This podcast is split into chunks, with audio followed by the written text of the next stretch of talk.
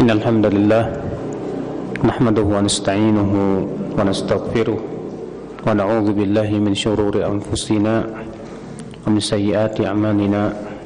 من يهده الله فلا مضل له ومن يضلل فلا هادي له وأشهد أن لا إله إلا الله وحده لا شريك له وأشهد أن محمدا عبده ورسوله. قال الله تعالى في كتابه الكريم يا أيها الذين آمنوا اتقوا الله حق تقاته ولا تموتن إلا وأنتم مسلمون أما بعد أيها الإخوة kita lanjutkan kajian Mukhtasar Minhajil Qasidin kita masuk ke kitab Adabus Suhbah wal Ukhuwah wa Mu'asyaratul Khalqi wa nahwu dhalik adab-adab persahabatan pertemanan dan bergaul dengan manusia dan sebagainya. Karena kita ya ketika ketika punya teman, kita bersahabat, kita berteman, harus kita juga betul-betul memberi apa namanya memelihara adab-adabnya. Supaya apa? Pertemanan kita itu betul-betul yang pertama mendapatkan pahala di sisi Allah. Yang kedua pertemanan kita kekal sampai hari kiamat Pak. Karena pertemanan itu bisa menjadi sesuatu yang malapetaka nanti hari kiamat. Sebagaimana Allah berfirman Al-akhillau yawma idzin ba'dhum li ba'dhin aduwwun illa al-muttaqun. Orang-orang yang saling berkasih sayang karena dunia nanti pada hari kiamat itu akan saling bermusuhan satu sama lainnya. Kata Imam Ibnu Katsir ketika menafsirkan ayat itu, kullu sahabatin wa zamalatin setiap persahabatan dan pertemanan ya li ajli dunia karena dunia sayan qalibu yaumal qiyamah adawah itu akan berubah nanti pada hari kiamat menjadi permusuhan maka di sini penting sekali ya kita ketika berteman tuh harus kita lihat batasan-batasan syariat dalam berteman sehingga tidak seperti juga yang Allah sebutkan dalam surat apa? Al-Furqan ayat 28 tentang penyesalan penduduk api neraka yang masuk neraka gara-gara teman. Allah berfirman, "Qala ya wailat ya wailata laitani lam attakhidh fulanan khalila." Dia berkata, "Aduh, andaikan aku tidak menjadikan si fulan sebagai teman akrabku." Laqad adallani anil dzikri ba'da idja'ani Sungguh ia telah menyesatkan aku dari peringatan setelah datang kepadaku Subhanallah Rupanya gara-gara teman, gara-gara salah dalam berteman Ya seseorang bisa masuk ke dalam api neraka. Maka di sini Kata beliau i'lam Annal ulfata thamratu husnil khuluq. Ketahuilah bahwa sikap ulfah ulfah itu ya mudah berteman ya itu buah dari akhlak yang baik. Karena kalau akhlak baik orang juga bakalan senang gitu pak sama kita. Beda dengan orang yang akhlaknya buruk. Orang mau dekat sama kita juga males. Ada sebagian orang kalau ngomong tuh nyelekit pak. Ya nyakitin hati. Sehingga akhirnya orang mau berteman sama dia itu ah males. Ya kalau ngomong tuh nyakitin hati nyelekit ya itu kenapa akibat daripada akhlaknya yang buruk? Dan ini mengerikan. Nabi Shallallahu Alaihi Wasallam malah kata apa? Syarro inna syarron nasi indallah yamal qiyamah. Seburuk-buruk makhluk pada hari kiamat di sisi Allah itu siapa? Man wada'ahun nas orang yang ditinggalkan orang-orang ittiqa'a fuhsyih karena takut dari lisannya yang tajam. Ya dalam satu riwayat yang lain ittiqa'a syarri karena takut dari keburukan akhlaknya.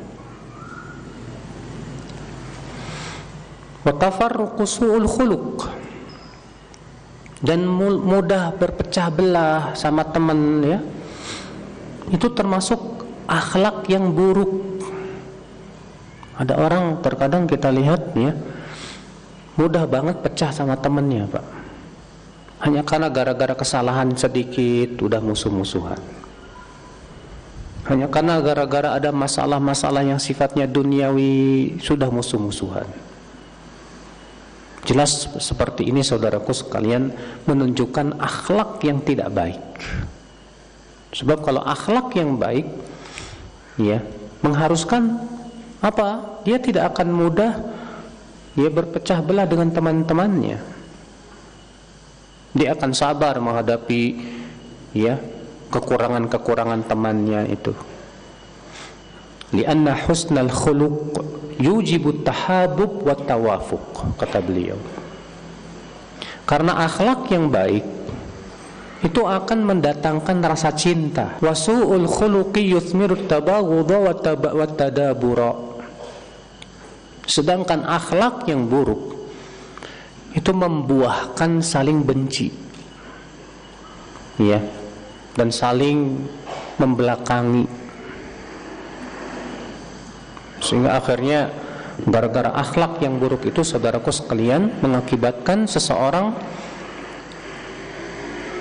pertemanannya tersebut saudaraku sekalian ya bukan betul-betul karena Allah.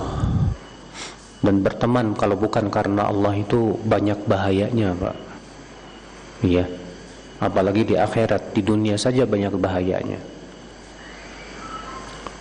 ولا يخفى ما في حسن الخلق من الفضل والأحاديث دالة على ذلك dan tidak tersembunyi kata beliau akhlak yang baik itu keutamaannya luar biasa dan hadis-hadis juga menunjukkan kepada keistimewaan akhlak yang baik faqad rawa waqad ruwiya min hadis Abi Abi Darda radhiyallahu anhu عن النبي صلى الله عليه وسلم أنه قال ma min syai'in afqalu fi mizanil mu'min yaumal qiyamati min khuluqin hasan.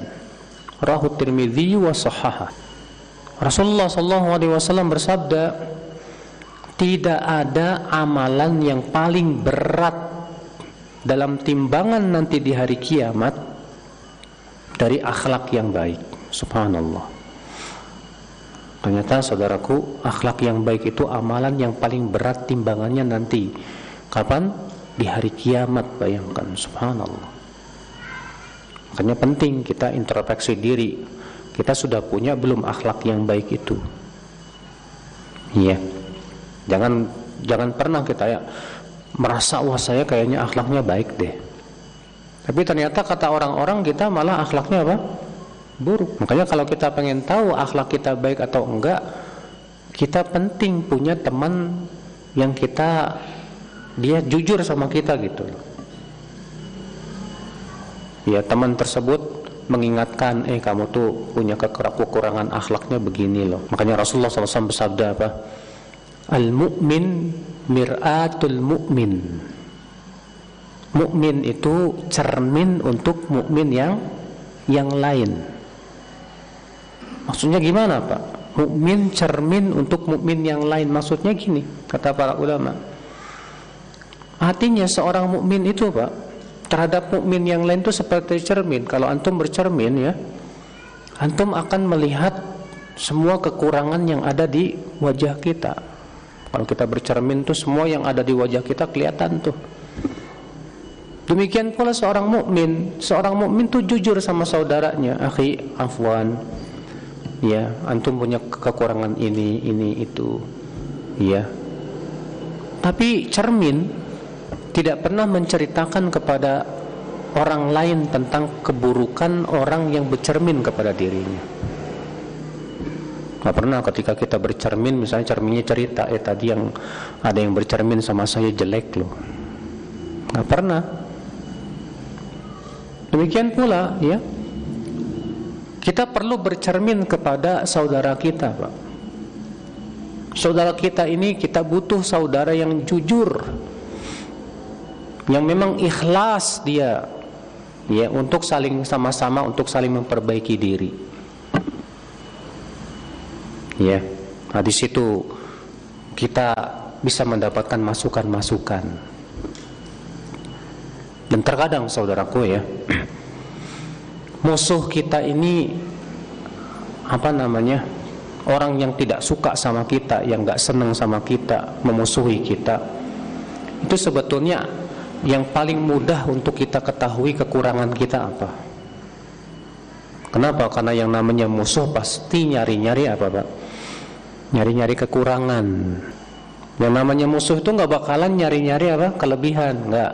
Pasti dia mencari kekurangan. Nah ketika dia melihat ada kekurangan pada diri kita, jadikan ini sebagai kesempatan untuk memperbaiki apa?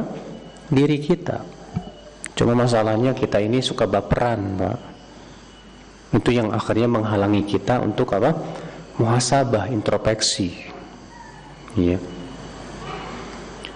Wa fi haditsin akhar, "Inna ahabbakum ilayya wa aqrabakum minni majlisan yaumal qiyamah ahasinukum akhlaqa."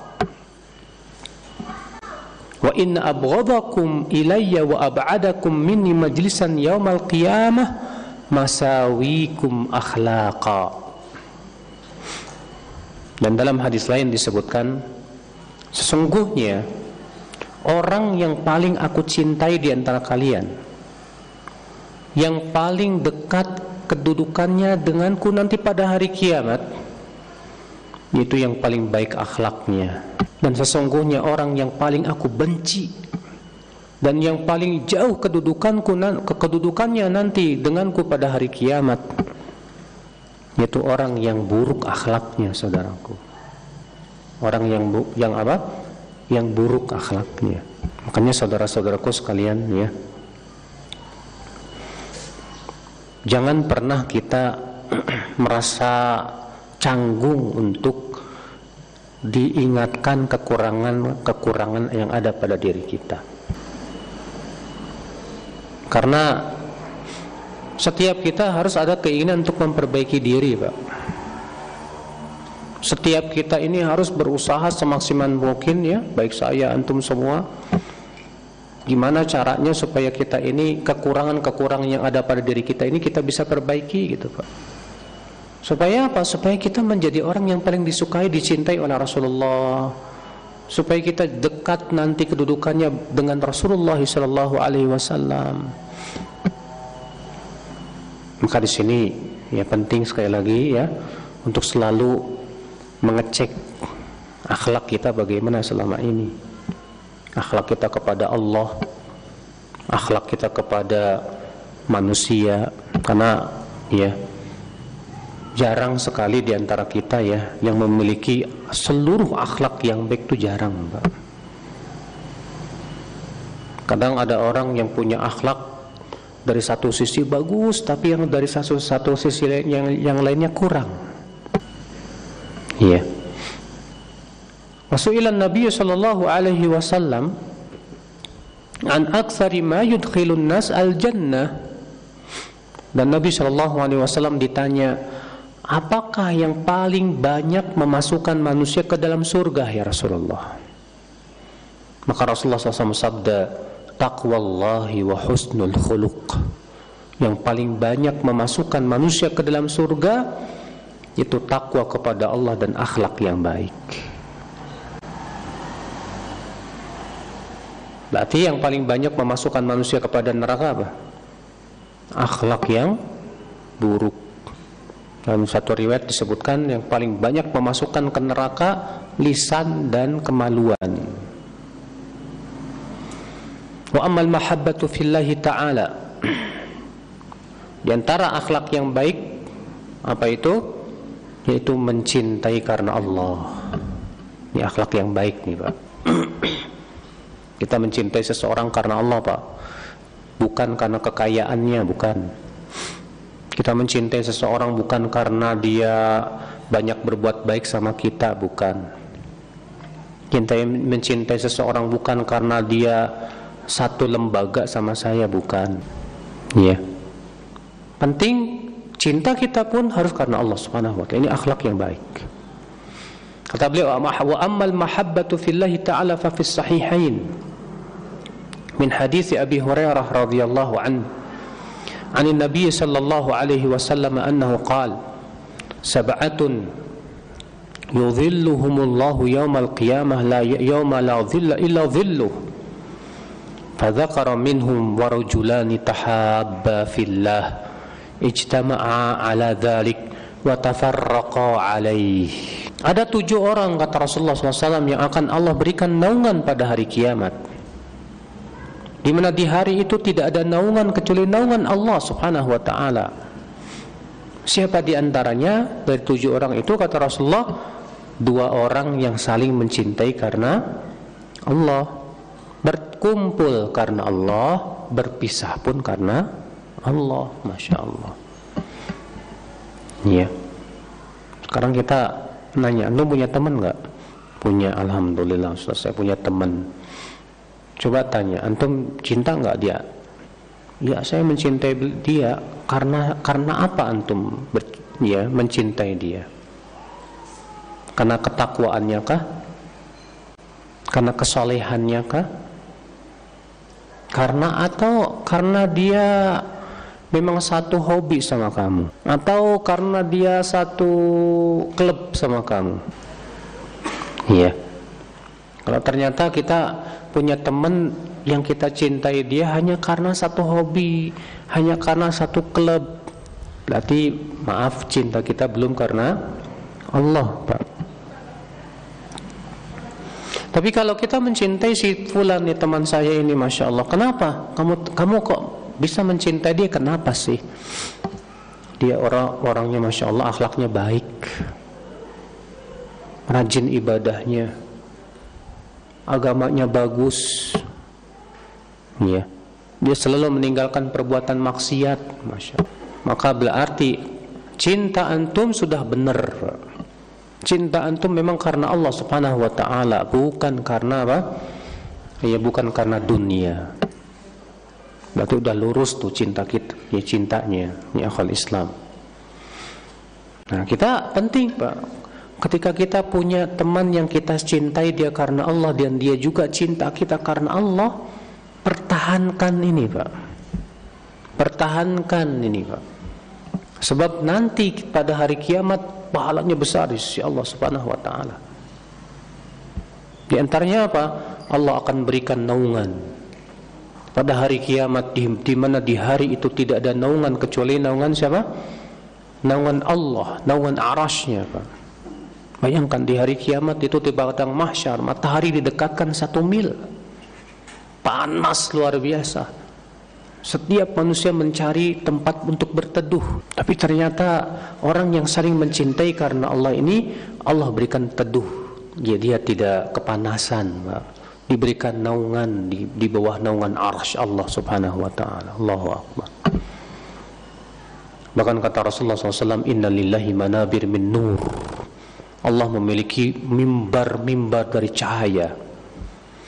Yang Allah berikan kepada orang yang bukan nabi, bukan siddiq, bukan siddiqin, bukan syuhada. Bukan orang yang mati syahid. Yaghbituhumul anbiya wa syuhada para nabi dan orang-orang yang mati syahid saja merasa iri.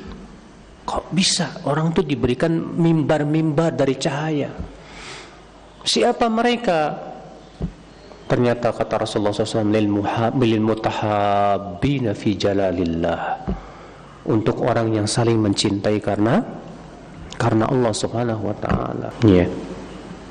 Makanya coba deh antum punya istri ini antum cinta sama sama istri upayakan ya istri yang antum miliki itu cintai karena Allah Pak bukan sebatas karena kecantikannya saja bukan sebatas karena urusan-urusan dunia saja tapi antum cintai istri antum karena dia solehat dia takwa kepada Allah suka ibadah kepada Allah Wallahi Pak ya ini kesempatan yang sangat luar biasa kita bisa saling mencintai karena karena Allah Subhanahu wa taala.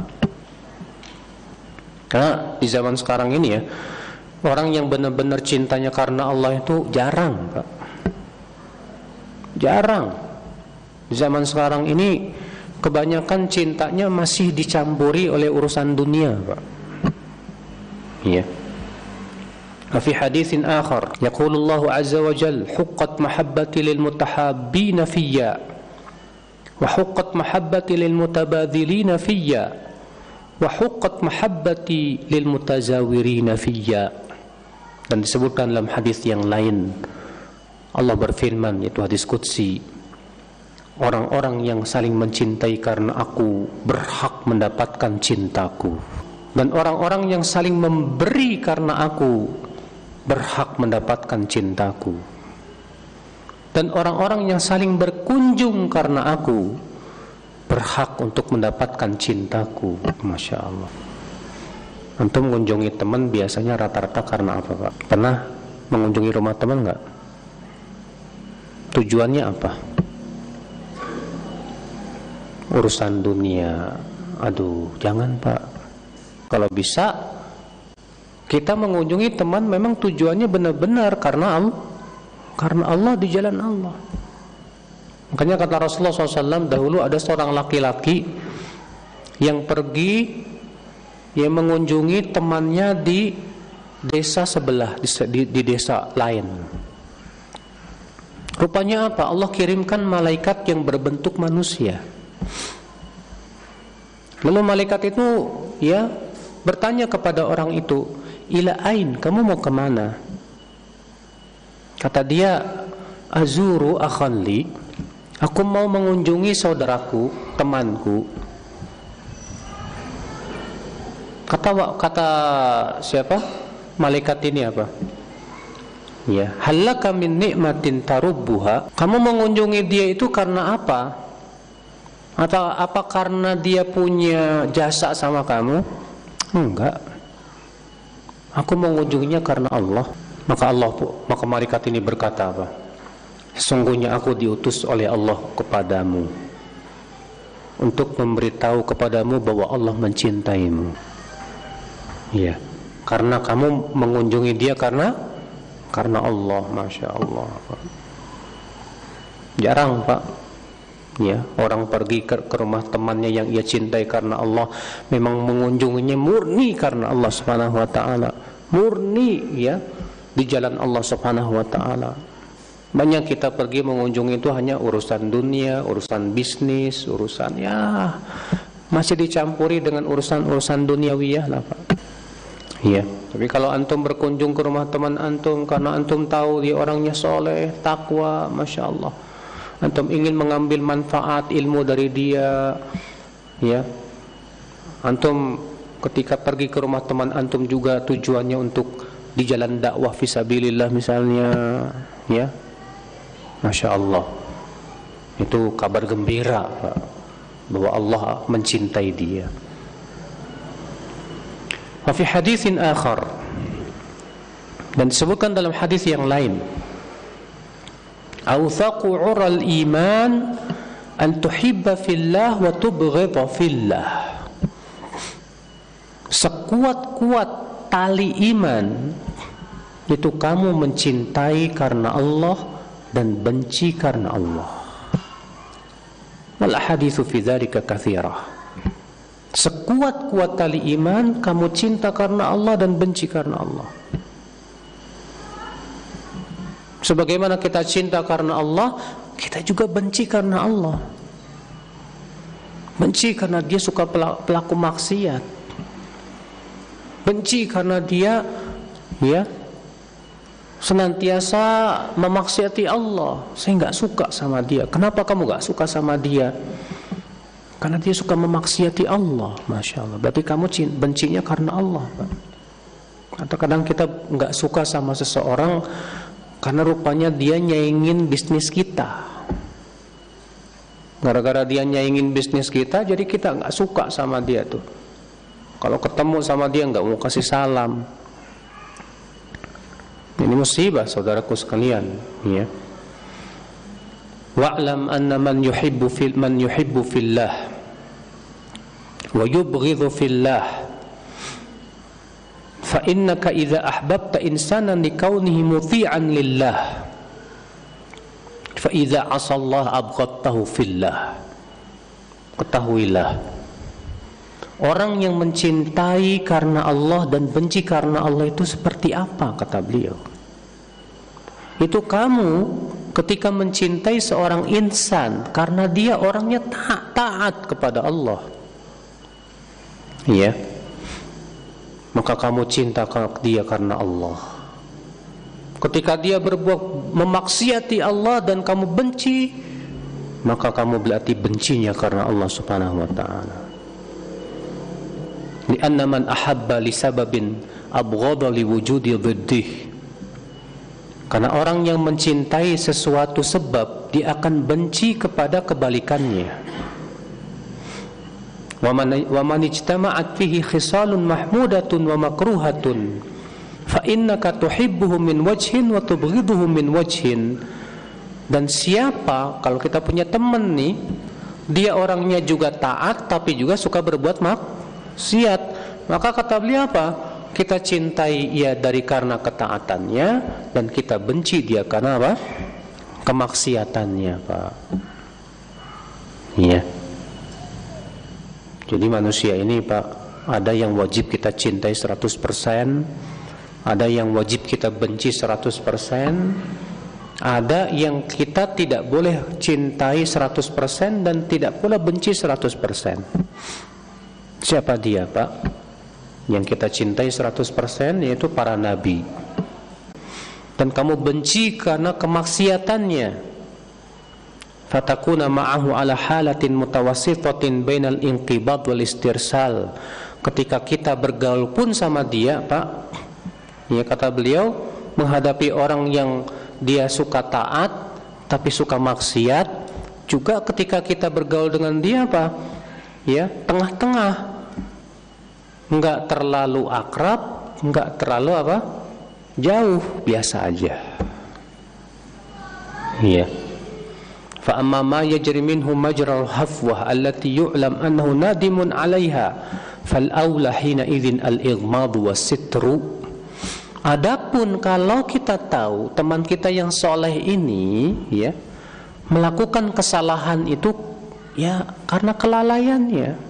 Dan kemudian dia menyesali dia taubat kepada Allah maka yang lebih baik kita tutupi saja dan jangan pernah kita mengingat-ingat kesalahan dia lagi karena yang namanya manusia pasti tidak lepas dari apa kesalahan pak Iya. Fa idza asarra 'alal ma'siyah, tapi kalau ternyata dia terus-menerus ngeyel terus berbuat maksiat, fala budda min idhari athril bughd. Maka saat itulah kita memperlihatkan ketidaksukaan kita kepada dia. Harus kalau kita punya teman yang kayak gini nih. Udah dinasehatin tetap aja maksiat. Udah diingetin tetap aja nggak mau taubat maka pada waktu itu Pak kita harus memperlihatkan ketidaksukaan kita kepada dia. Ya, bil i'radi anhu wa taba'ud. Contohnya misalnya kita berpaling dari dia atau menjauhi dia. Ya. Wa taghlidul qawli lahu ala hasbi ghiladil ma'siyah wa khiffatiha. Atau misalnya kita ngomongnya agak kasar sama dia dikit karena maksiat dia. Kalau memang ya itu lebih maslahat. Tapi kalau kita ngomongnya kasar, akibatnya dia tambah jauh, tambah lari, lebih baik jangan. Karena tentunya juga kita jangan sampai membantu setan untuk menyesatkan saudara kita, Pak. Iya. Wa'lam kata beliau, ketahuilah annal mukhalifa li amrillahi ta'ala ala aqsam. Ketahuilah oleh kamu bahwa orang yang menyelisih perintah Allah itu ada beberapa macam. Nah, beliau di sini akan menjelaskan tentang macam-macam orang yang menyelisih perintah siapa? Perintah Allah Azza wa Jalla. Ahaduha yang pertama ini yang paling berat nih Pak. An yakuna kafiran. Orang kafir. Ya Siapa sih orang kafir nih Pak? Itu orang yang tidak beriman kepada Allah dan Rasulnya tidak beriman kepada kehidupan akhirat ya tidak mau masuk Islam fahuwa mustahiqun lil bil qatl wal irqaqi dan orang kafir ada dua jenis Pak ada orang kafir yang disebut dengan kafir harbi kafir apa? kafir harbi Ya. Siapa sih kafir harbi? Itu orang kafir yang memerangi kaum muslimin. Yang mengusiri kaum muslimin. Yang membunuhi kaum muslimin. Ini namanya harbi. Maka ya orang kafir harbi disikapi dengan sikap yang sama. Karena dia memerangi Islam, maka kita perangi lagi. Ya. Yang kedua, ada orang kafir non harbi ada orang kafir yang tidak memerangi kaum muslimin tidak. Iya. Nah, ini ada tiga. Orang kafir yang bukan harbi yang non harbi itu ada tiga jenis. Yang pertama kafir zimmi. Kafir apa? Kafir zimmi. Apa sih siapa sih pak kafir zimmi itu? Yaitu orang kafir yang tinggal di negeri kaum muslimin dan dia membayar jizyah apa jizyah? Sejenis upeti pak. Per tahun satu dinar. Ya yeah. itu namanya orang kafir zimmi. Zaman sekarang kayaknya kafir zimmi nggak ada pak.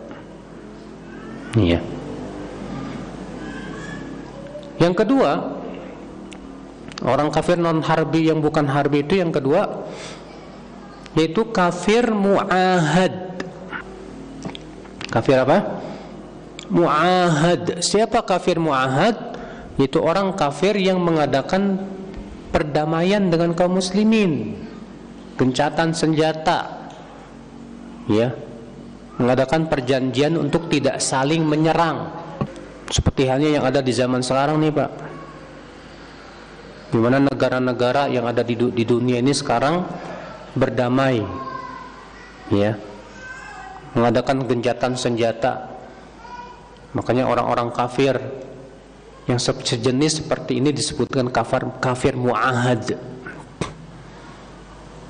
Rasulullah SAW sabda apa? Man qatala muahadan lam yarah raihatal jannah.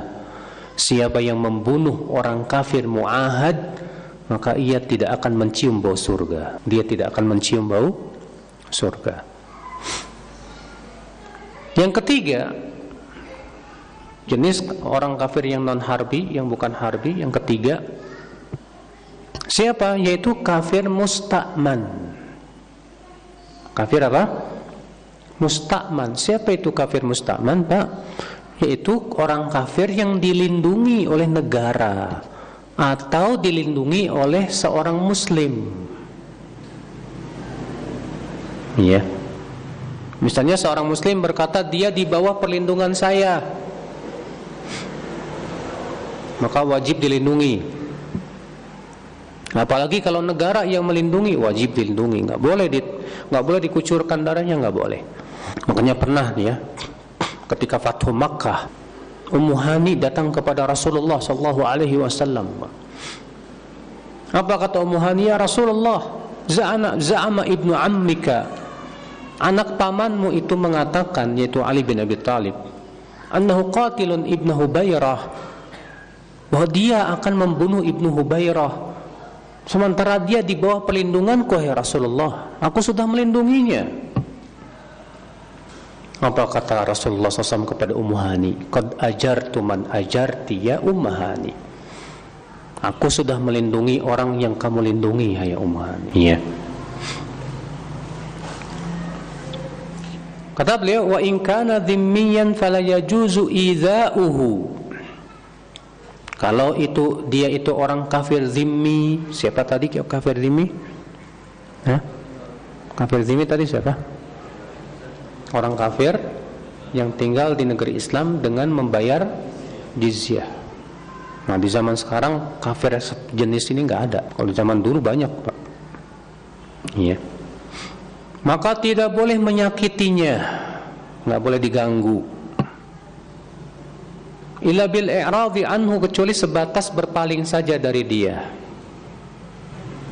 Ya. Wa tahqir lahu dan meremehkan akidahnya itu agamanya yang tidak sesuai dengan yang dibawa oleh para nabi tentunya Pak. Ya. Watarkil bada'ati bisalam dan tidak memulai mengucapkan salam kepada mereka. Karena Nabi mengatakan la tabda'uhum bisalam. Jangan kamu mulai mengucapkan apa? Salam. Ya. Fa in sallama qila lahu wa alaik kalau dia mengucapkan salam kepada kamu, assalamualaikum, cukup kamu jawab wa alaikum. Cukup kamu jawab apa?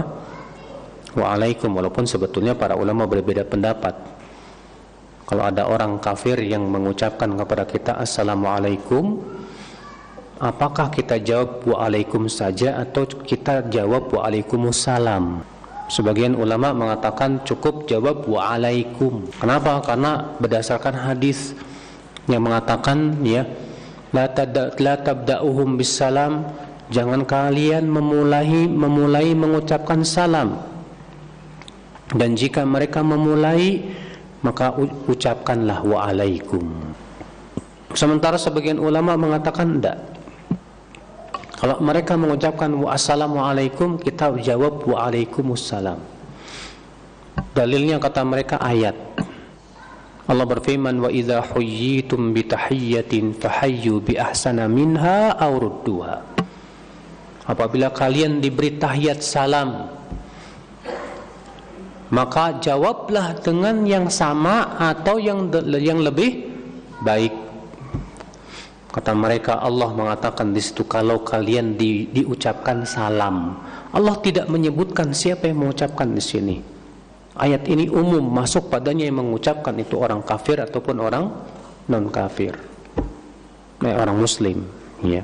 Adapun hadis yang tadi kata mereka itu hadisnya ma'lul, ada padanya penyakitnya ada ilatnya kata mereka dan bahwasanya yang sahih hadis itu sebetulnya berhubungan dengan jawaban Rasulullah SAW terhadap orang Yahudi. Di mana orang Yahudi waktu itu mengucapkan asam alaik. Asam apa itu asam kematian atasmu. Maka Rasulullah menjawab wa alaik. Maka kalau mereka mengucapkan assam alaik, maka jawab wa alaik. Betul. Tapi kalau mereka mengucapkan assalamu alaikum, maka perintah ayat adalah jawab dengan yang sama atau yang lebih. Ini khilaf, memang ini masalah khilafiyah, Pak. Iya, boleh enggak kalau ada orang kafir mengucapkan kepada kita assalamualaikum, kita jawab waalaikumsalam. Iya, wallahu a'lam. Nah ini saudaraku sekalian ya. Nah ini yang pertama nih jenis orang yang menyelisih perintah Allah yang pertama siapa? Orang ka orang kafir. Dan bedakan antara orang kafir harbi dengan kafir bukan harbi. Ya. Al-qismu tsani jenis yang kedua. Orang yang menyelisih perintah Allah itu yang kayak gimana?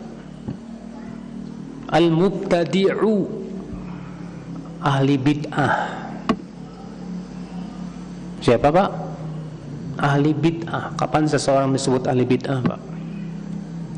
kata Syekhul Islam Taimiyah mendefinisikan ahli bid'ah yaitu orang yang jatuh kepada bid'ah yang disepakati oleh para ulama akan kebid'ahannya di mana bid'ah ini masyhur di kalangan kaum muslimin akan kebid'ahannya. Adapun bid'ah-bid'ah yang masih diperdebat, diperselisihkan oleh para ulama apakah ini termasuk bid'ah atau tidak, maka pelakunya tidak boleh dihukumi sebagai ahli bid'ah. Jadi kapan disebut ahli bid'ah, Pak? Yaitu kalau dia melakukan sebuah perkara yang dianggap bid'ah secara ijma para ulama. Sepakat seluruh ulama bahwa itu termasuk apa? Bid'ah. Seperti apa contohnya Pak? Bid'ah khawarij. bid'ah murji'ah bid'ah syiah bid'ah jahmiyah ya bid'ah bid'ah qadariyah bid'ah mu'tazilah jabariyah dan yang lainnya yang semua ulama sepakat ini semua keluar dari sunnah. Maka siapa yang jatuh kepada hal seperti ini maka pelakunya disebut apa? Ahli bid'ah Adapun kalau tadi sudah saya sebutkan, kalau bid'ah ini masih diperselisihkan oleh para ulama, apakah ini termasuk bid'ah atau tidak, maka pelakunya tidak boleh kita cap sebagai ahli bid'ah. Tidak boleh. Paham tidak Pak? Ya. Jadi dibedakan antara bid'ah yang disepakati oleh seluruh ulama dengan data diperselisihkan oleh para ulama apakah itu termasuk dari jenis bid'ah atau tidak. Iya. Nah, jenis yang kedua ini ahli bid'ah. Mimman yad'u ila bid'atin wa kanatil bid'atu bihaitsu yakfuru biha fa amruhu ashaddu min adh-dhimmi. Kalau ternyata dia termasuk dai kepada bid'ah, dia mendakwahkan kepada bid'ahnya Pak dan ternyata kebid'ahannya ini termasuk bid'ah yang sampai derajat kufur karena kan bid'ah itu ada yang sampai derajat kufur ada yang belum sampai kepada derajat apa? Kufur. Ya. Apa itu bid'ah yang sampai kepada derajat kufur? Yaitu bid'ah bid'ah yang sudah sangat jelas kebid'ahannya Pak. Di mana bid'ah ini ya sifatnya apa? Menolak sesuatu yang sifatnya sudah jelas dalam agama contoh misalnya apa bid'ah yang sudah sampai kepada derajat kufur bid'ah orang syiah imamiyah yang mengkafirkan seluruh para sahabat. Bahkan mereka punya keyakinan katanya Al-Quran sudah diubah-ubah oleh para sahabat. Jadi Al-Quran yang ada kata mereka sudah tidak otentik. Maka para ulama semua sepakat ini bid'ah kufriyah. Bid'ah yang sampai derajat kepada apa? Kufur. Iya. Maka yang seperti ini kata beliau lebih berat kedudukannya daripada kafir kafir zimmi, ya. Jizyatin wa la yusamah bi aqdi dhimmatin wa in kana mimman la yakfur biha. Kenapa? Karena ia tidak tidak ada kewajiban bayar jizyah dan juga tidak dan dia bukan dari jenis orang yang punya tanggungan seperti halnya kafir zimmi. Maka ini hati-hati Pak kalau antum tahu ini orang punya pemikirannya ngeri. Ya. Di antara bid'ah yang sampai kepada derajat kufur contohnya apa lagi Pak? Keyakinan seseorang bahwa orang kalau sudah sampai derajat wali boleh keluar dari syariat Nabi. Ini bid'ahnya orang sufi Pak. Mereka punya keyakinan katanya orang yang sudah sampai derajat makrifat sudah wali nih ya maka tidak perlu nggak perlu sholat lagi nggak perlu puasa lagi nggak bu nggak apa-apa maksiat nggak apa-apa zina nggak apa-apa makanya tidak aneh pak ya kalau pernah rame ada pesantren yang santriwatinya apa Hah? dizinain disetubuhin karena ini dasarnya punya keyakinan yang kufur ini bahwa katanya orang kalau sudah sampai derajat wali tidak perlu terikat dengan syariat apa Nabi. Jadi nggak perlu ikut lagi syariat Nabi. Bagi mereka minum arak nggak apa-apa halal. Bagi mereka zina nggak masalah. Itu kan syariat Nabi kata mereka. Ngeri pak. Ini jelas keyakinan yang kufur, saudaraku. Bahkan kata Ibnu Hajar, pelakunya zindik. Iya. Pelakunya apa? Zindik. Wa in kana mimman la yakfuru bih, biha. Tapi kalau bid'ahnya itu tidak sampai kepada derajat kufur. Kalau bid'ahnya itu tidak sampai kepada derajat apa? Kufur. Seperti halnya bid'ah-bid'ah amaliyah. Ya, bukan bid'ah akidah, tapi bid'ah amaliyah.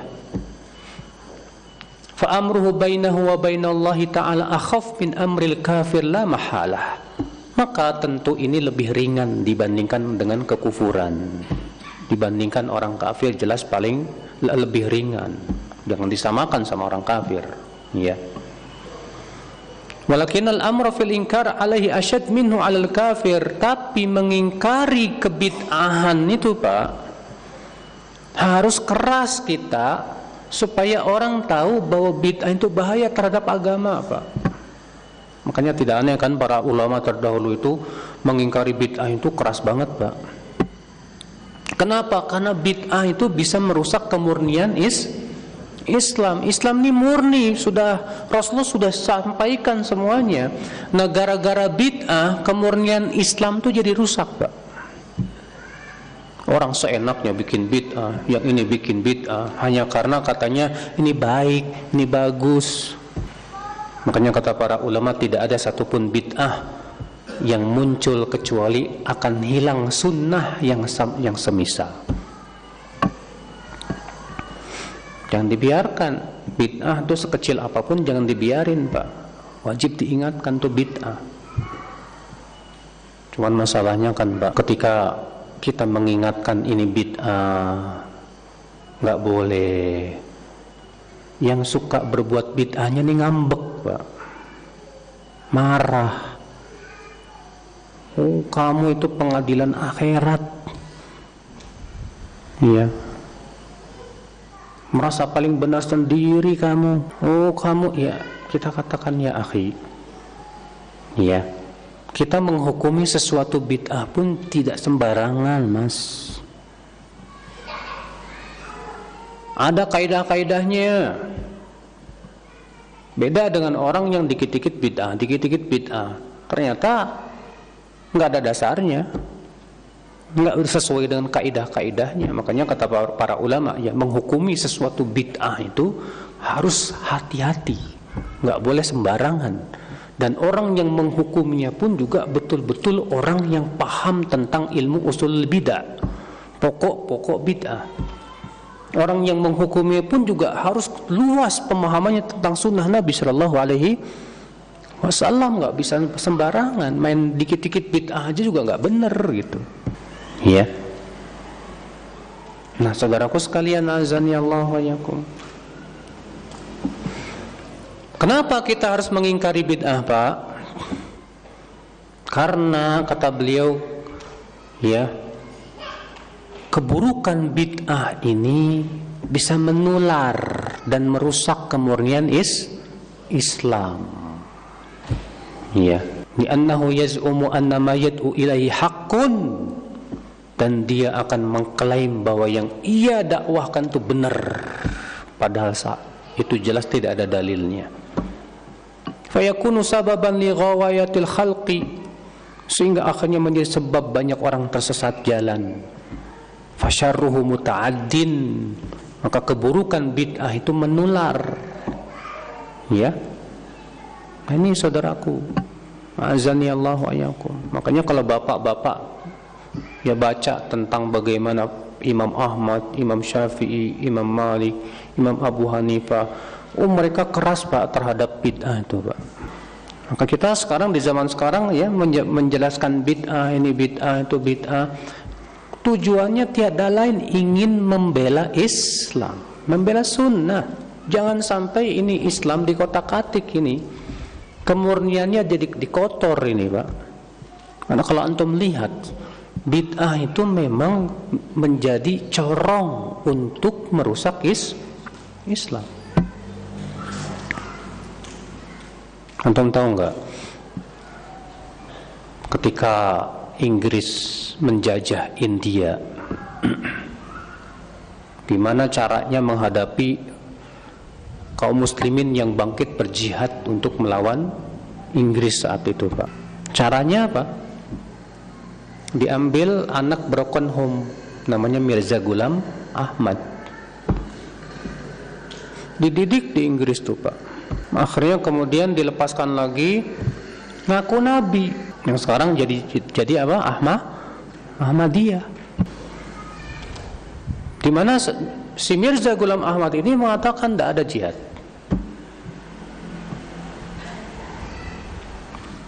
Memang tujuannya seperti itu. Orang-orang khawarij yang pemikirannya suka mengkafir-kafirkan tuh Pak. Ini digunakan oleh orang kafir untuk merusak is Islam.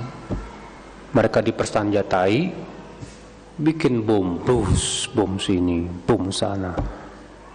Untuk apa? Mencoreng is Islam.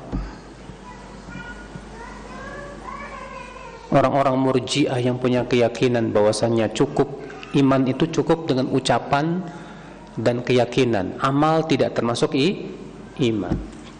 Ini kan merusak Islam Pak. Menurut orang murjiah iman itu cukup keyakinan dengan hati ucapan dengan lisan selesai. Kamu maksiat kamu berbuat syirik kamu mau gimana terserah. Iman kamu sempurna. Ini kan juga merusak Islam Pak Siapa pun yang mempelajari tentang bid'ah, dia akan dapatkan bahwa bid'ah itu merusak kemurnian apa? Islam. Iya. Demikian pula bid'ah yang bersifat amaliyah, salat ditambah-tambah dengan gerakan-gerakan yang enggak ada contohnya dari Rasulullah sallallahu alaihi wasallam, enggak ada dalilnya. Ada orang mau sholat cak susah benar Allah enggak jadi lagi Allah. Nggak jadi lagi. Padahal kan dalam hadis mudah sekali Rasulullah mengucapkan Allahu Akbar. Selesai. Akhirnya apa? Menyusahkan orang. Saya pernah ketemu sama orang pak. Dia nggak berani sholat tawaf. Saya nggak berani sholat tawaf Ustaz kenapa pak? Belum belum apal niatnya Ya Allah Pak, agama kita ini mudah Pak. Niat nggak perlu dilafazkan. Cukup di hati mau ni, mau salat tawaf selesai. Tuh lihat Pak, yang namanya bid'ah itu bikin susah. Iya. Sementara agama kita ini mudah. Kata Rasulullah, Pak, inna dina yusrun. Agama kita ini apa? Mudah. Iya. Nah ini saudara-saudaraku sekalian, makanya kenapa sih kita itu raji suka banget menyampaikan ke orang ini sunnah, ini bid'ah, ini syirik, ini tauhid. Karena ini tujuannya tiada lain pak untuk membela agama, wallah. Allah tidak akan pernah membela umat Islam kalau mereka menyelisih Rasulullah SAW. Jadikan pelajaran di perang Uhud. Kenapa di perang Uhud kalah? Karena mereka menyelisih Rasulullah SAW menyelisih Rasulullah SAW itu berbentuk maksiat, berbentuk bid'ah. Harus dijelaskan. Ya. Ikhwata Islam azani Allah wa yakum nah ini ya. Jadi jenis yang kedua ini yang menyelisihi perintah Allah siapa dia? Ahlil ahlul bid'ah. Ya Al-qismu thalis jenis yang ketiga orang yang menyelisih perintah Rasul perintah Allah siapa? Al-asi pelaku maksiat. Bi fi'lihi la bi la bi'tiqadihi di mana ia memaksiati Allah karena ngikutin hawa nafsu bukan karena meyakini halalnya. Fa in kanat bihaitsu yata'adza biha kadzulmi wal ghudab wal ghadab wa shahadati zur wal ghibah wa namina wa namimah wa nahwi dzalik fal aula al i'rad anhu wa tarku mukhalatatihi wal inqibat an muamalatihi. Kalau maksiatnya itu mengganggu orang seperti berbuat zolim seperti bersaksi palsu ghibah namimah mengadu dom mengadu domba maka yang lebih baik kamu berpaling dari dia. Iya. Jangan bergaul sama orang-orang kayak gini nih. Antum jangan bergaul sama orang yang suka ngadu domba orang. Jangan gaul sama orang yang kalau duduk sama dia selalu isinya gibahin orang, gibahin orang, jelek-jelekin orang. Kalau ditegur malah marah, ngambek. Bahkan terkadang musuhin kita. Udah nggak usah, Pak. Kalau kita punya teman yang seneng yang ngegibahin tuh bahaya, Pak. Iya. Jangan pernah kita duduk di majelis gibah. Jangan pernah, saudaraku sekalian. Iya. وكذلك الحكم في من يدعو إلى الفساد كالذي يجمع بين الرجال والنساء ويهيئ أسباب الشرب لأهل الفساد demikian pula sama hukumnya dengan orang yang menyeru kepada kerusakan seperti orang yang menyeru ya agar wanita dan laki-laki gaul bebas seperti halnya di zaman sekarang banyak orang ya lalu kemudian dia mempersiapkan ya semua fasilitas-fasilitasnya supaya laki-laki dan perempuan bergaul dengan apa? Dengan bebas. Ya. Tidak ada batasan dalam syariat lagi. Pada dalam Islam kan laki-laki dan wanita nggak boleh gaul apa? Bebas, ada batasannya. Rasul Allah menyuruh laki-laki untuk menundukkan pandangan, wanita untuk menundukkan apa? Pandangan. Rasulullah SAW melarang terjadi ikhtilat campur baur laki-laki perempuan bahkan dalam sholat saja dipisah ya maka kalau misalnya ternyata ada orang yang malah menyeru kepada hal ini Pak. Waduh ngeri ini Pak. Kok dia ngajaknya kepada maksiat ini? Dah apalagi ini kalau kita tahu ya kalau orangnya memang suka ngajak kepada maksiat jangan dijadikan teman pak. Bahaya. Iya. Kasih nasihat orang itu. Kasih peringatan. Ittaqillah anta ya akhi iya jangan kamu menjadi orang yang membuka pintu keburukan jadilah kamu orang yang membuka pintu kebaikan karena kata Rasulullah SAW di antara manusia itu ada yang menjadi kunci pembuka kebaikan dan ada orang yang jadi kunci penutup apa? Yang pembuka keburukan. Nauzubillah, nasallallahu wal afiyah. Maka jadilah kita akhi ya, mafatih lil khair, kunci yang membuka kebaikan dan jangan menjadi kunci yang membuka keburukan. Ya. Nah ini ya, jadi kata beliau Orang yang menyelisih perintah Allah ada tiga macam tadi ya. Yang pertama orang kafir, yang kedua siapa? Ahlul bid'ah. Ya. Yang ketiga siapa? Pelaku maksiat. Ya. Kemudian di sini beliau akan menjelaskan tentang siapa orang yang berhak untuk kita jadikan teman. Bagaimana sifat-sifatnya nih? Ini penting, Pak. Faslun fi bayani sifatil masyrutati fi man takhtaru suhbatahu. Fasal penjelasan tentang sifat-sifat yang disyaratkan bagi orang yang hendak kamu pilih ia jadi teman. Jadi kalau kamu mau berteman sama seseorang, pilah dan pilih. Tidak ada dalam Islam kaidah gaul sama semua orang nggak ada. Yang ada dalam Islam adalah milih teman, memilih dan memilah. Jangan sembarangan berteman. Berapa banyak pemuda-pemuda Pak karena ingin disebut gaul akhirnya terseret dalam pergaulan yang enggak-enggak Pak. Berapa banyak para pemuda yang takut disebut kuper, tahu nggak kuper? Pak? Kamu tuh kuper, kurang pergaulan. Gak masalah disebut kuper kalau memang kita tujuannya untuk menyelamatkan agama kita. Daripada kita disebut gaul, akhirnya kita gaul dengan semua orang, bahkan orang yang memaksiati Allah Azza wa Jal. Akhirnya agama kita yang terlukai. Pak. Ya. Kita berteman itu tujuannya apa sih? Kita berteman tuh tujuannya biar masuk surga, Pak. Kita berteman tuh tujuannya bukan sebatas hanya karena ingin berteman begitu, bermain. Tidak. Kita berteman itu tujuan utama kita adalah agar teman saya ini membantu saya untuk menaati Allah. Kita berteman ini agar teman saya ini mau mengingatkan kesalahan saya. Kalau niatnya berteman seperti itu insya Allah Pak. Iya.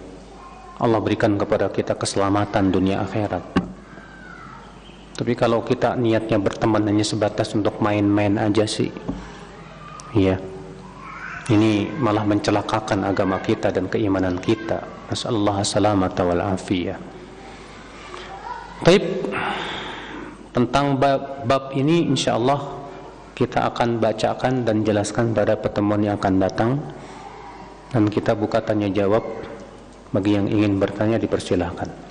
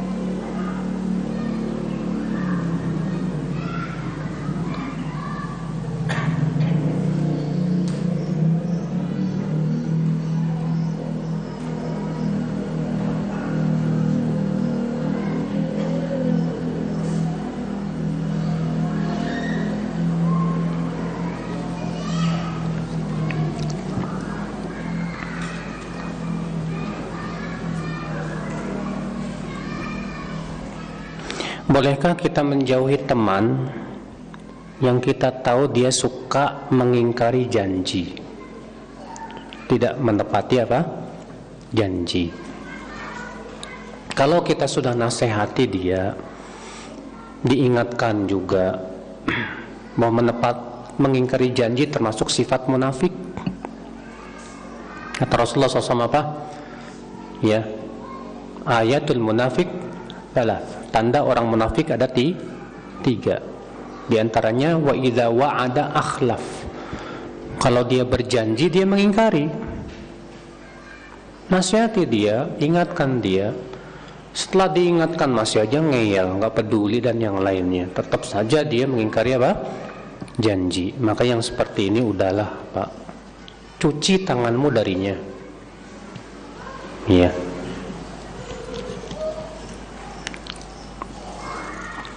Karena kita juga takut pak ketularan ketularan masalahnya. Itu kan termasuk apa? Sifat-sifat kemunafikan. Iya. Bagaimana cara mengingatkan bid'ah kepada orang tua kita Ustadz Yang lebih baik Pak Kita dakwahi dulu orang tua dari sisi tauhidnya dulu Pak Dari sisi apa? Tauhid. Karena yang paling wajib untuk kita ingatkan yang pertama kali apa? Tauhid dulu. Benahi tauhid dulu, akidahnya dulu. Kemudian pahamkan tentang pentingnya ngikutin Rasulullah, ngikutin sunnah. Sedikit-sedikit pak, nggak bisa kita langsung tiba-tiba langsung bak-bak-bak, wah susah. Karena untuk bisa menerima ini butuh kepada apa Pak? Pemahaman dulu. Kalau dia nggak paham, kasihan. Antum tiba-tiba ingkari ini bid'ah, itu bid'ah, udah ngambek. Kamu siapa? Baru ngaji kemarin udah main-main bid'ah bid'ahin aja. Ya.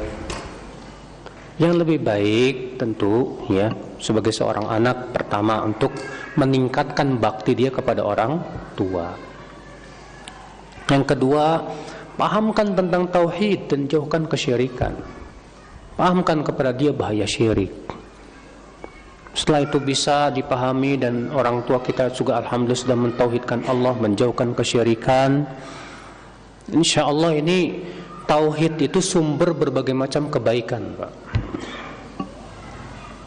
Akan sangat mudah orang yang mentauhidkan Allah untuk menjauhi kebid'ahan. Tapi kalau dia tauhidnya masih ben, nggak benar, masih masih jatuh kepada kesyirikan, masih sulit juga untuk meninggalkan apa? kebid'ahan. Maka orang yang tauhidnya lurus, insya Allah biidnillah dia akan tinggalkan itu. Ya. Bolehkah berdebat dengan orang tua? Ya, atau cukup menasehati? Apalagi berdebat sama orang tua jangan, Pak. Iya. Sekarang sikap kamu kepada orang tuamu dengan baktimu itu perbaiki dulu deh Ya, perbaiki dulu. Kamu bakti, jalankan ilmumu yang kamu sudah pelajari bagaimana berbakti kepada orang tua. Berbuat baik kepada orang tua. Ya, sambil kemudian sedikit demi sedikit memahamkan dulu tentang masalah yang paling urgent tadi, yaitu tentang masalah tauhid. Ya, dan menjauhkan apa? kesyirikan.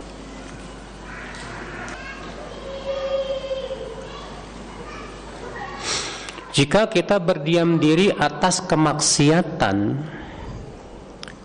dengan maksud untuk menghindari perpecahan, apa ini boleh? Antum termasuk setan bisu. Ya. Teman antum berbuat maksiat, antum diam karena takut berpecah. Maka kita katakan akhi, Allah memerintahkan kita amar ma'ruf nahi mungkar. Rasulullah SAW mengancam bahwa orang yang diam dari kemungkaran padahal dia mampu untuk mengingkarinya maka dia pun akan kena adabnya kena adabnya tapi saya takut nanti saya sama dia jadi berpecah ya akhi Diamnya antum dari kemungkaran itu lebih berat di mata Allah Azza wa Jal. Enggak usah khawatir. Cuman cara menasihatinya mungkin yang baik-baik. Sampaikan kepada dia, akhi, anak cinta sama antum. Anak ingin antum masuk surga. Anak juga pengen masuk surga.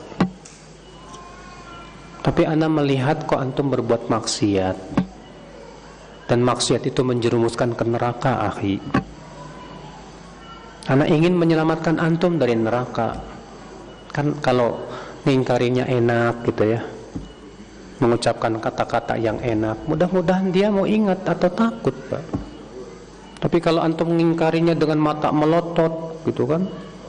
Kemudian mengingkari sambil mencaci-caci beleguk sia. Ya. misalnya gitu. Ya siapa yang mau terima? Mungkin cara mengingkarinya aja menasihatinya dengan cara yang baik Insya Allah kalau antum cara menasihatinya enak asyik dia juga nggak bakal berpecah kok Justru kata para ulama maksiat itu sumber perpecahan. Imam Tirmizi meriwayatkan dalam sunannya Rasul bersabda, "Ma tawadda itsnan, thumma yufarraq bainahuma illa bidzambi yusibu ahaduhuma." Tidaklah dua orang yang tadinya saling mencintai kemudian berpecah, berpisah kecuali akibat dosa yang dilakukan oleh salah satu dari keduanya. Kalau akhi, kalau antum berteman dia karena Allah, konsekuensinya adalah meluruskan kesalahan dia. Adapun antum mendiamkan kesalahan dia, itu sebetulnya antum tidak mencintai dia karena Allah. Iya. Apakah benar ungkapan ini? Bencilah akhlaknya, jangan benci orangnya. Enggak benar. Karena yang melakukan akhlak buruk itu ya orangnya. Maka kita juga benci orangnya. Tapi sudah kita sebutkan Pak tadi, orang mus orang mukmin yang masih punya maksiat tidak boleh kita benci 100% dan tidak boleh kita cintai 100% Artinya kita cintai dari karena keimanan dia dan kita benci karena maksiat dia. Ya. Nah, karena kita masih mencintai dia, nah kita berpikir gimana caranya menyelamatkan dia dari maksiat. Ya.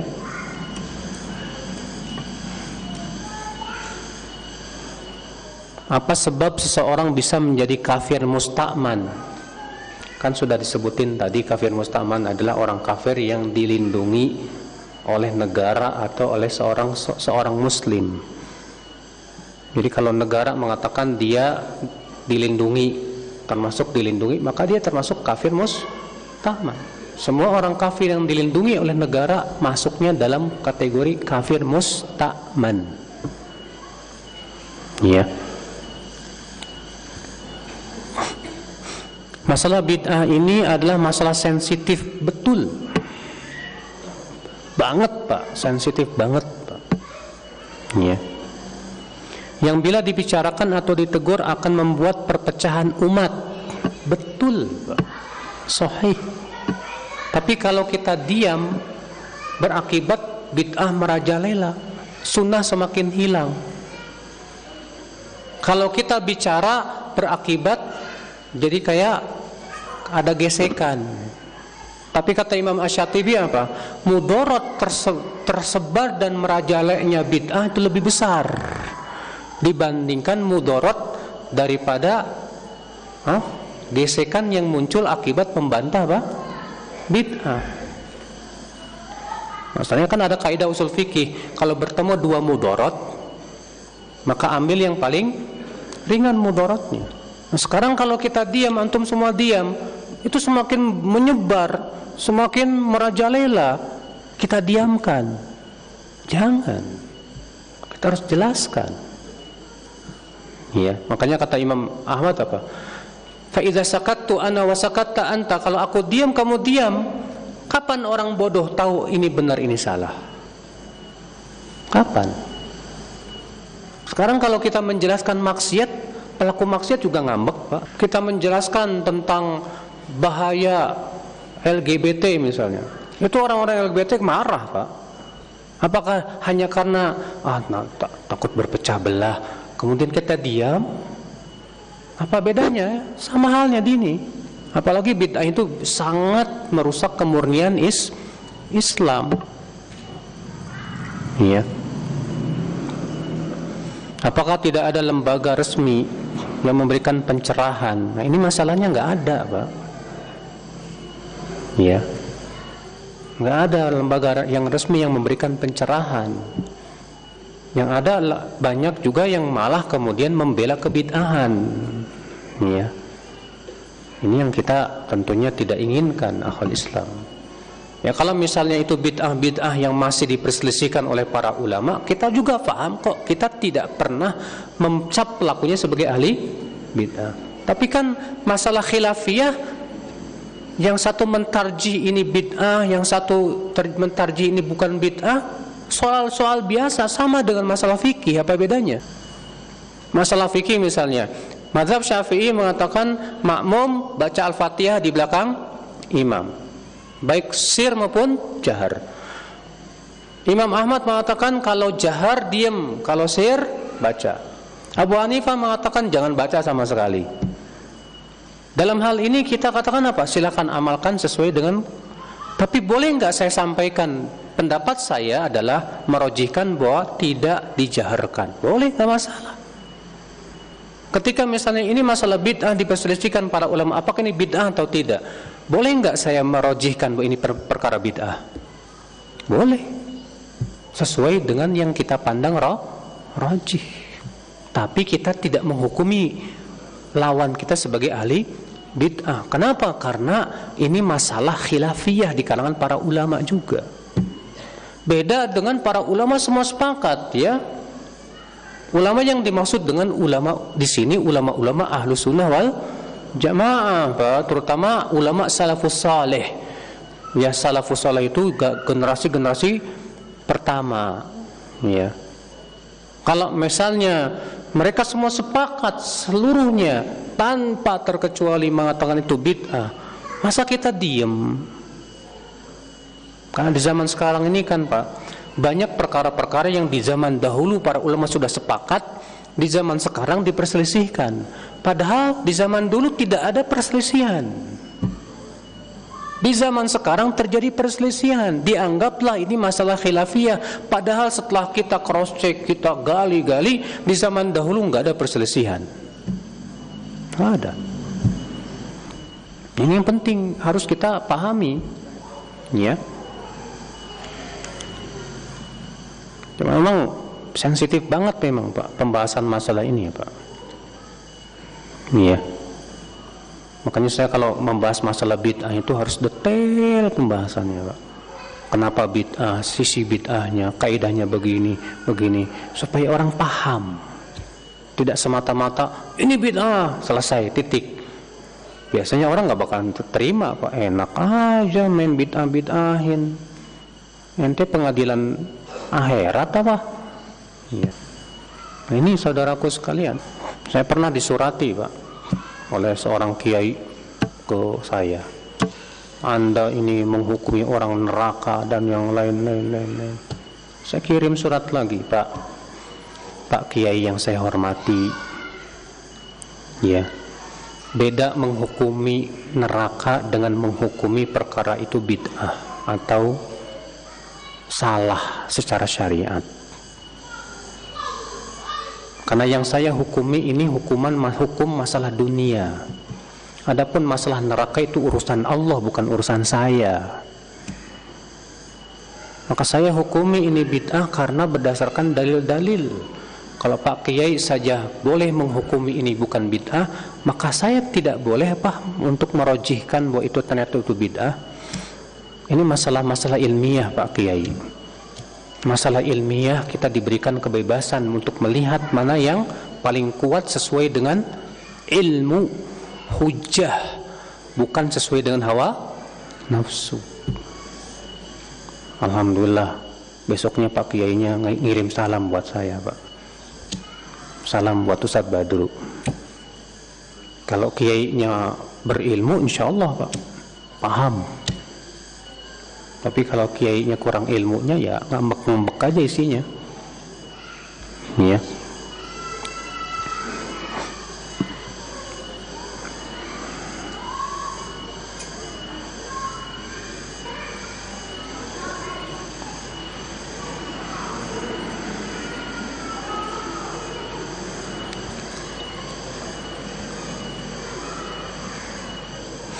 Apakah 72 golongan dari 73 itu termasuk ahli bid'ah? Betul.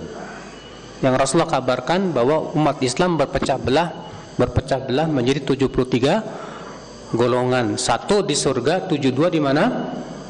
Nah, 72 ini dalam masalah akidah, bukan dalam masalah fikih ya. Adapun masalah beda madhab, ini madhab Hambali, madhab Syafi'i, madhab Hanafi, madhab Maliki. Ini tidak masuk dalam 72 enggak. Tapi yang dimaksud 72 ini dalam akidah Pak.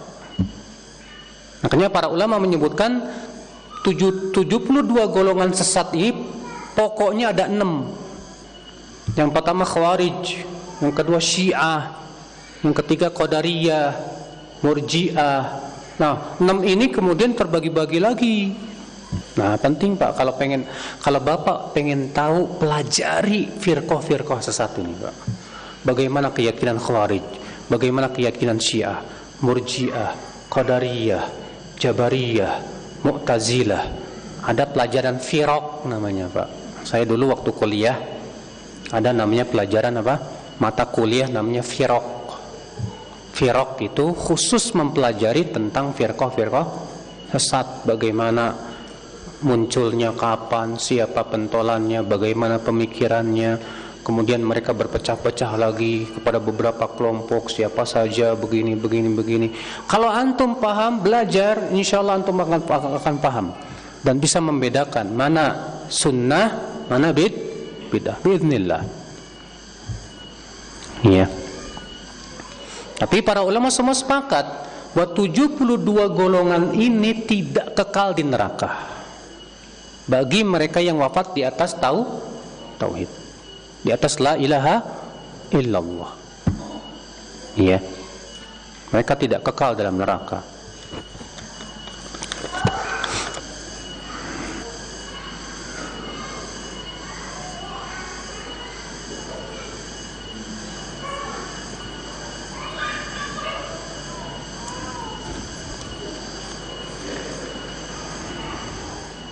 Bagaimana cara berteman dengan di lingkungan yang tidak sesuai sunnah? Akhi, jadikan mereka sebagai orang-orang yang kamu niatkan untuk kamu ajak kepada kebaikan, kepada sunnah. Antum ketika udah ngaji sunnah, jangan hanya untuk diri antum sendiri, usahakan setelah ngaji sunnah, sudah paham sunnah, ajaklah teman-temanmu satu persatu. Perkenalkan mereka tentang sunnah, tentang indahnya sunnah, tentang pentingnya kita ngikutin apa? Sunnah. Ya. Nah itu. Karena sebagian teman-teman kalau udah hijrah, udah ngaji sunnah, dah. Setelah itu nggak mau lagi ngajak orang. Jangan, Pak. Ya. Antum melihat orang Syiah itu semangat sekali Pak berdakwah Pak. Ngajak orang kepada keyakinannya tuh wah berbagai macam cara. Masa kita juga kayak mereka? Kalau mereka semangat untuk mendakwahkan kebid'ahannya, masa kita nggak semangat untuk mendakwahkan sunnah Nabi Shallallahu Alaihi Wasallam? Jangan, ya.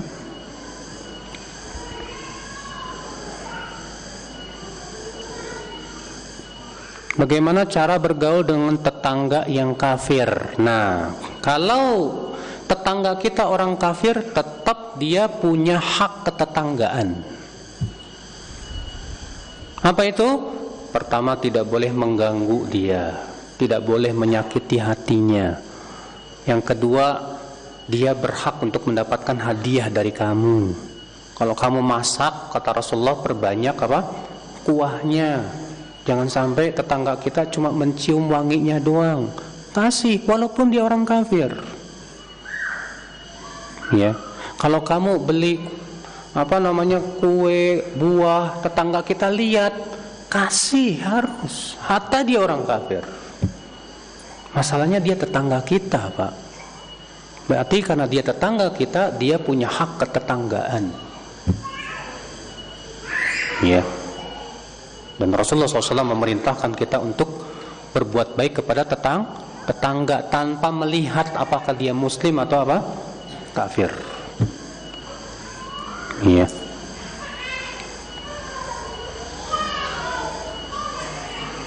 Bolehkah kita mengikuti kajian yang tidak sesuai dengan sunnah? Kalau tidak sesuai dengan sunnah apa dong? Kalau tidak sesuai dengan sunnah, buat apa kita hadiri, Pak? Ya. Karena hakikat ilmu itu adalah yang berasal dari Allah dan Rasul. Sedangkan yang tidak sesuai dengan sunnah berarti bukan ilmu, Pak. Makanya Imam Syafi'i ketika mendefinisikan ilmu kata beliau apa? Al ilmu qala Allah, qala Rasul, wa qala sahabah wa laysa bitamwi. Ilmu itu hakikatnya adalah yang difirmankan oleh Allah, yang disabdakan oleh Rasulullah dan yang dipahami oleh para sahabat. Nah, sekarang kalau ternyata majlis tersebut yang diajarkan bukan dari firman Allah, bukan juga dari sabda Rasulullah, bukan pula dari pemahaman para sahabat Rasulullah, hanya sebatas akal-akalan atau hanya sebatas apa? murni tidak ada dasarnya dari syariat itu bukan majelis ilmu. Itu bukan bukan majelis apa? Bukan majelis ilmu. Baik saya kira cukup sampai di sini. Semoga yang saya sampaikan bermanfaat Mohon maaf bila ada kata-kata yang tak berkenan di hati. Wabillahi taufik. Assalamualaikum warahmatullahi wabarakatuh.